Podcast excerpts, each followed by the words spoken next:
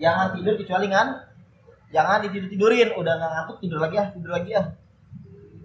Jangan lebih dari 8 jam kata Imam Ghazali. Sehari semalam jangan lebih dari 8 jam. Misalkan tidur jam 9. 10, 11, 12, 1, 2, 3, 4, 5. Jam 5 subuh baru bangun 8 jam tuh. Nanti siangnya jangan tidur lagi.